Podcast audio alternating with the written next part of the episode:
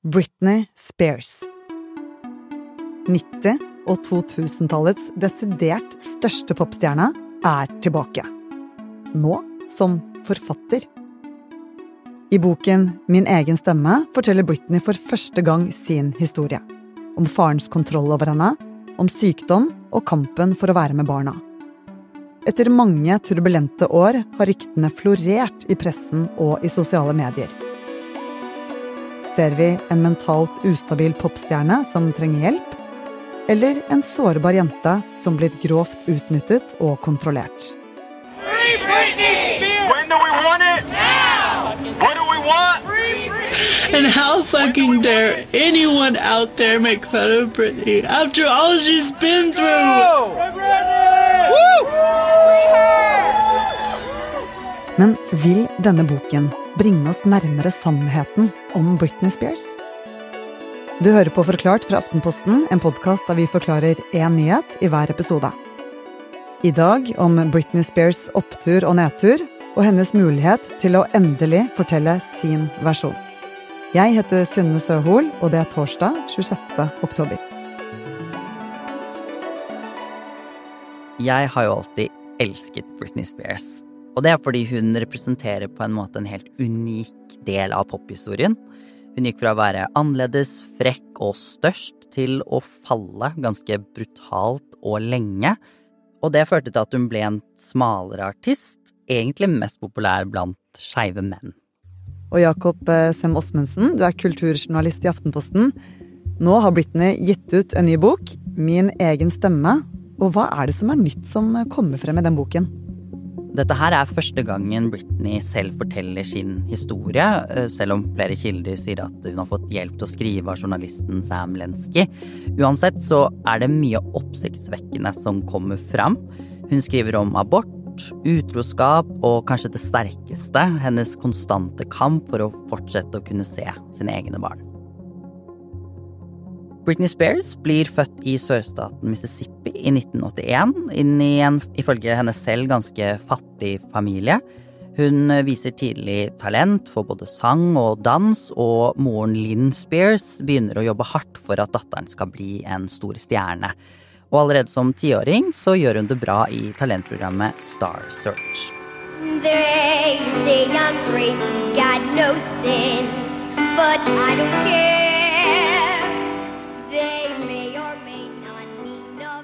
Som barn har Britney en ganske enorm og, og mektig stemme, og hun imponerer talentspeidere hun møter på sin vei. Og som elleveåring lander hun en veldig viktig jobb som programleder i Disneys The New Mickey Mouse Club, sammen med blant andre Christina Aguilera, Ryan Gosling og Justin Timberlake. Dale, Jennifer, Justin, Carrie, JC, Brittany, Josh, Rona. Det går noen år til, og da hun er 16, i 1998, så gir hun ut sin første låt, Baby One More Time, og da, da eksploderer det.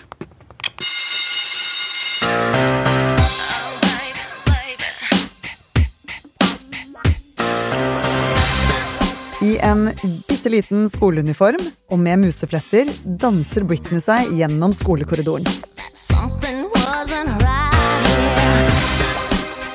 Låten topper hitlistene umiddelbart og blir en av tidenes mestselgende singler.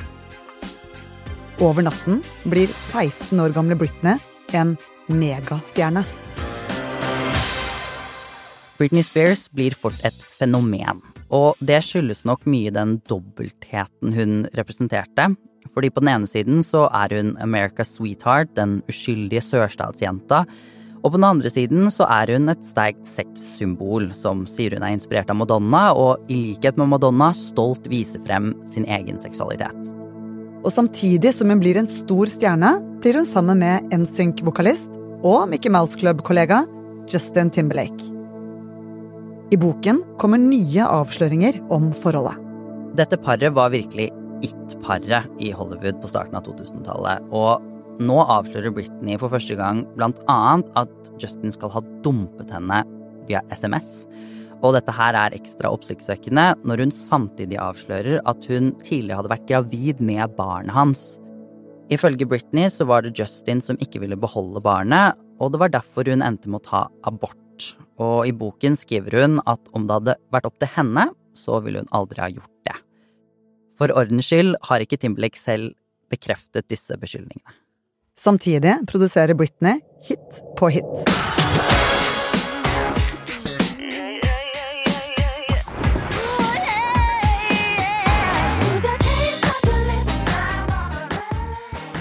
Kjærlighetssorgen etter bruddet med Justin gjør at Britney begynner å feste mer.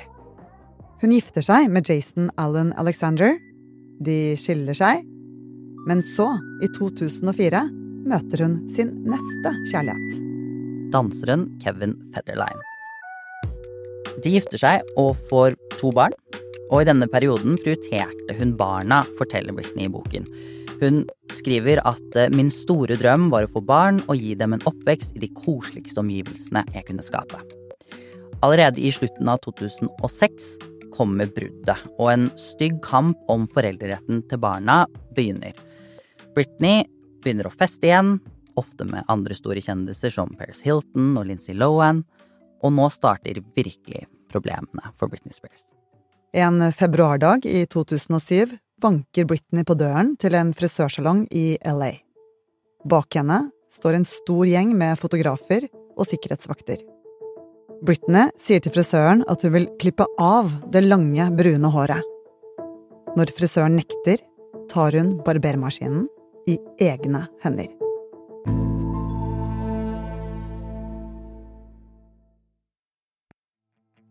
Bare se for deg tusenårsskiftet.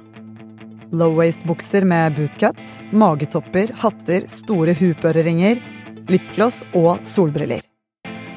Det var sånn vi så kjendisene da. I tabloidavisene og i ukebladene. Det var rett og slett ganske brutalt å være kjendis på denne tiden. Det var en ganske annen medievirkelighet, med storhetstiden til sladrepressen som TMC og andre tabloidmedier. Kjendisenes image var mer eller mindre styrt av mediene, og de skrev om alt. Vektøkning, seksualitet, narkotikaavhengighet. Virkelig alt var lov på 2000-tallet.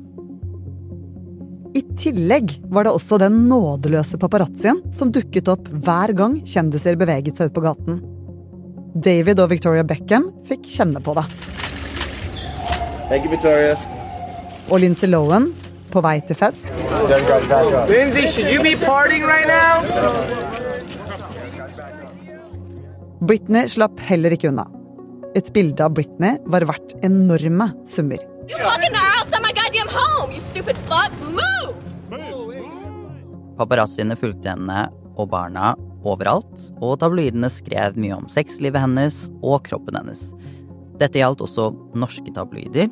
Se og Hør hadde annet på trykk setninger som 'Sangerens monsterlår vitner om usunne matvaner', og 'Superstjernen sjokkerte en hel verden da hun blottet sin ekstreme bulemage'. Hvordan skiller denne tiden seg fra hvordan det er i dag? Paparazzi-forfølgelse finnes jo selvsagt fortsatt, men i mindre grad. Kjendisene har mye mer makt til å styre sine egne plattformer gjennom sosiale medier og ikke minst reality-serier. Mye av kjendisjournalistikken i dag er mer basert på hva kjendisene selv legger ut på f.eks. Instagram og i andre kanaler. Og dette betyr jo at de selv har kontroll på en måte over sitt eget narrativ. For eksempel så lager det Kardashians egen serie, David og Victoria Beckham lager dokumentar, sammen gjør prins Harry og Meghan. Alle disse står for sitt eget innhold, og på den måten så styrer de mer sin egen historie. Tabloidavisene og de jagende paparazziene gikk hardt inn på Britney. Kanskje var dette noe av grunnen til at hun satte seg i frisørstolen og dro barbermaskinen over hodebunnen den dagen. Kanskje var det derfor hun kort tid etterpå angriper paparazzi-fotografer med en paraply. Britney har det virkelig ikke bra på denne tiden. Og i boken så skriver hun at tanten hennes nettopp hadde gått bort, og av konflikten med Kevin Federline fikk hun ikke se barna så ofte som hun ville. Og oppi dette så var pressen fortsatt helt nådeløs. Så hun får nok, og først barberer hun seg for å si faen ta dere til verden, det er i hvert fall sånn hun beskriver det i boken. Og så angriper hun de grenseoverskridende paparazziene. Senere samme år så fremfører hun sin nye sang Gimme More under VMA-utdelingen, og da er hun tydelig veldig preget. Og kort tid etter dette så blir hun tvangsinnlagt på psykiatrisk avdeling, mens tabloidene fortsetter å latterliggjøre henne. Hvordan reagerer fansen på alt dette her, da? De reagerer med å være veldig beskyttende. Altså mens tabloidpressen tilsynelatende har null forståelse for mental helse, så var Britneys kjernefans veldig, veldig støttende.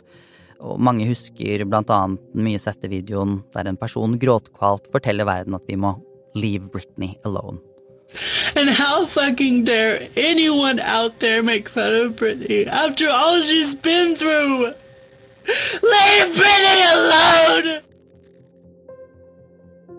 Og det som er litt interessant, er at på denne tiden, da hun falt fra stjernestatus, så var det særlig skeive menn som støttet henne. Og til den dag i dag så er faktisk skeive menn kanskje den viktigste delen av fanbasen til Britney, noe hun selv erkjenner i den nye boken sin. Mens Britney er innlagt, gjør faren hennes, Jamie Spears, noe som skal endre livet hennes. Han går rettens vei og blir verge for datteren, noe som betyr at han får full kontroll over store deler av livet hennes. Britney forteller i boken at hun går med på dette vergemålet mer eller mindre fordi hun blir lovet at hun da får være mer sammen med barna sine. Og hun forteller at faren kontrollerte henne fullstendig. For det første styrte han hele økonomien hennes, og han tjente gode penger på å være vergen hennes. For eksempel måtte Britney selv betale faren 16 000 dollar i måneden. Men Jamie Spears kontrollerte også andre deler av datterens liv. Ifølge Britney selv fikk hun ikke kjøre bil eller spise eller drikke det hun ville. Hun påstår også at mobilen hennes ble overvåket, og at hun noen ganger ble fratatt mobilen sin. Hun sier også at hun ikke fikk date hvem hun ville, og at hun skal ha blitt tvunget til å bruke spiral for å forhindre at hun ble gravid på nytt. I boken stiller Britney også spørsmålet hvis hun var for syk for å ta egne beslutninger, hvorfor kunne hun fortsatt å stå på scenen og gi ut ny musikk? Britney ga jo faktisk ut fire album, hun var på flere turneer og hadde et fast Vegas-show mens hun var under dette vergemålet. Men Jakob, samtidig, hvis hun var innlagt, så kan jo det tyde på at hun faktisk var veldig syk. I så fall så kan jo dette vergemålet vært bra for henne, eller hva sier faren? Jamie Spears har avvist alle anklagene om utnyttelse av datteren, og han har hele tiden vært veldig tydelig på at vergemålet var ment å beskytte henne. I mange år mens hun blir overvåket og kontrollert, jobber Britney hardt. Men i 2019 får hun et nytt sammenbrudd og blir på nytt innlagt. Samtidig som det skjer, vokser det frem en ny bevegelse blant fans over hele verden. Free Britney! When do we want it? Now! What do we want? Free Let her go!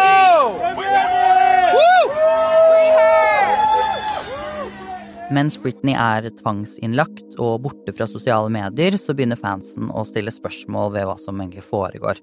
De kobler det til vergemålet, og da begynner bevegelsen Free Britney å vokse frem.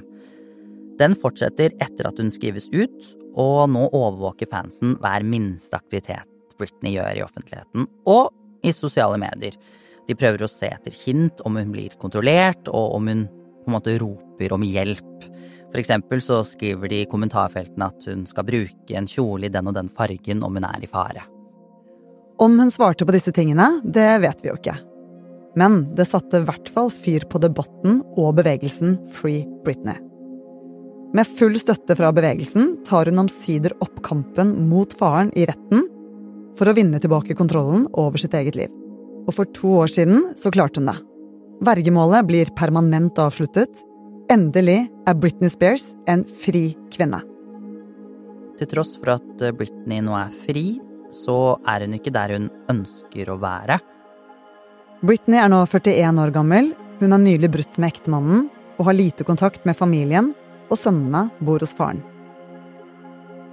I boken forteller hun at vergemålet virkelig drepte musikkleden hennes, og hun sier at hun ikke vil prioritere musikkarrieren akkurat nå.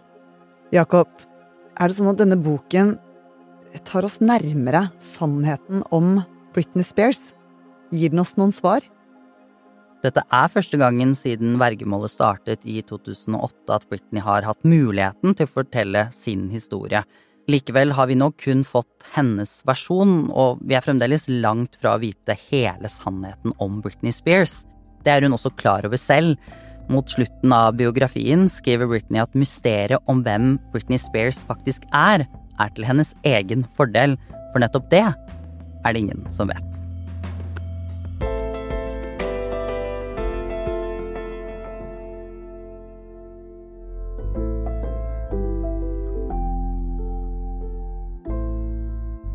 Du har hørt en podkast fra Aftenposten. Det var Jakob Semb Osmundsen som tok deg gjennom avsløringene i den nye boken til Britney Spears. Og denne episoden er laget av produsent Jenny Førland og meg, Synne Søhol. Resten av Forklart er Olav Eggesvik, David Vekoni og Anne Sveberg. Du har hørt lyd fra Zumba Recordings, Babyboy Blue, Jive Records, TMC, Disney, The Hollywood Reporter, New York Times, The Guardian, BBC og Chris Crocker på YouTube. Hei, Sanne fra Poprådet her. Denne uka har vi hatt besøk av artist Nils Beck. Åh, Trodde aldri du skulle spørre, si. jeg trodde aldri jeg skulle få muligheten til å være ekspert i noe. Og vi snakker om prinsesse Ingrid Alexandras liv på østkanten, Elsker den norske kongefamilien. Ja, jeg gjør også det, altså. Real Housewives og Love is Blind. Nå er det helt ute å seile her. Og så er vi innom den nye Britney-boka og David Beckhams angivelige elskerinne. Det blei litt mye fotball for meg.